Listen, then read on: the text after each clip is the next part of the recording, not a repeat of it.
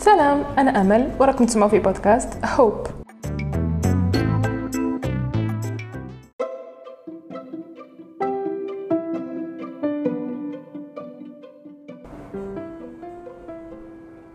هل سبق وخطرت لك فكرة ورأيتها منجزة من طرف أحد آخر؟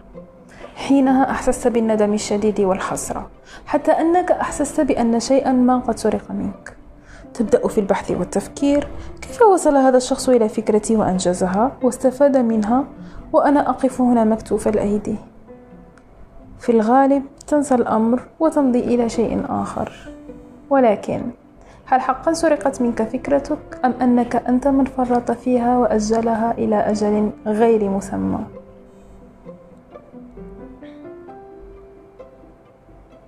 حينها اكتفيت بنشوة الحصول على فكرة مبدعة فريدة لم تخطر على بال أحد وبقيت محصورا في تلك الهالة المشعة التي تبعث فيك الإحساس بالإنجاز إنجاز؟ أي إنجاز؟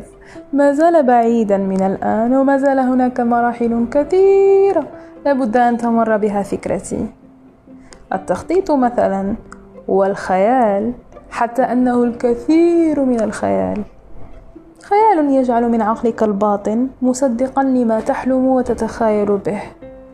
وحينها تأتي مرحلة التذمر والسخط. سخط على الواقع وذلك ببساطة لأن الفجوة بين الواقع والخيال كبيرة جدا.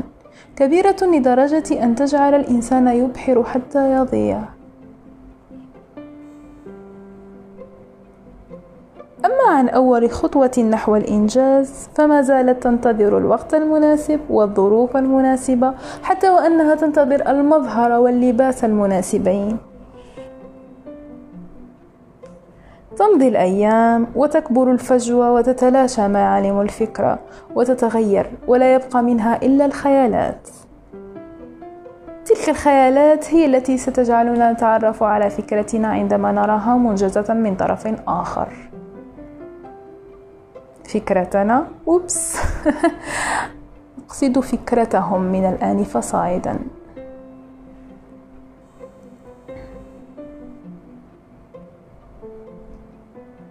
بعد استرجاع هذه الرحلة سوف ندرك أننا نحن من فرطنا في أفكارنا وليس هي من سرقت.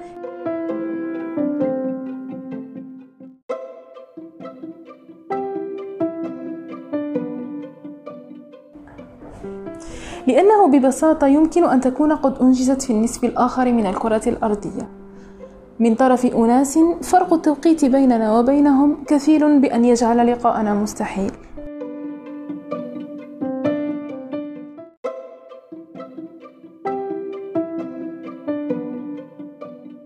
لكن الأفكار تلتقي وتبحر عبر القارات. لأنه ببساطة كل العقول تفكر وكل الأفكار تزور كل العقول بنفس الحظوظ. لكن الفوز لمن أمسك بأفكاره ولم يتركها تطير إلى عقل آخر وذلك عبر طريق واحد هو أن يجعل منها حقيقة وإنجاز لا أفكار.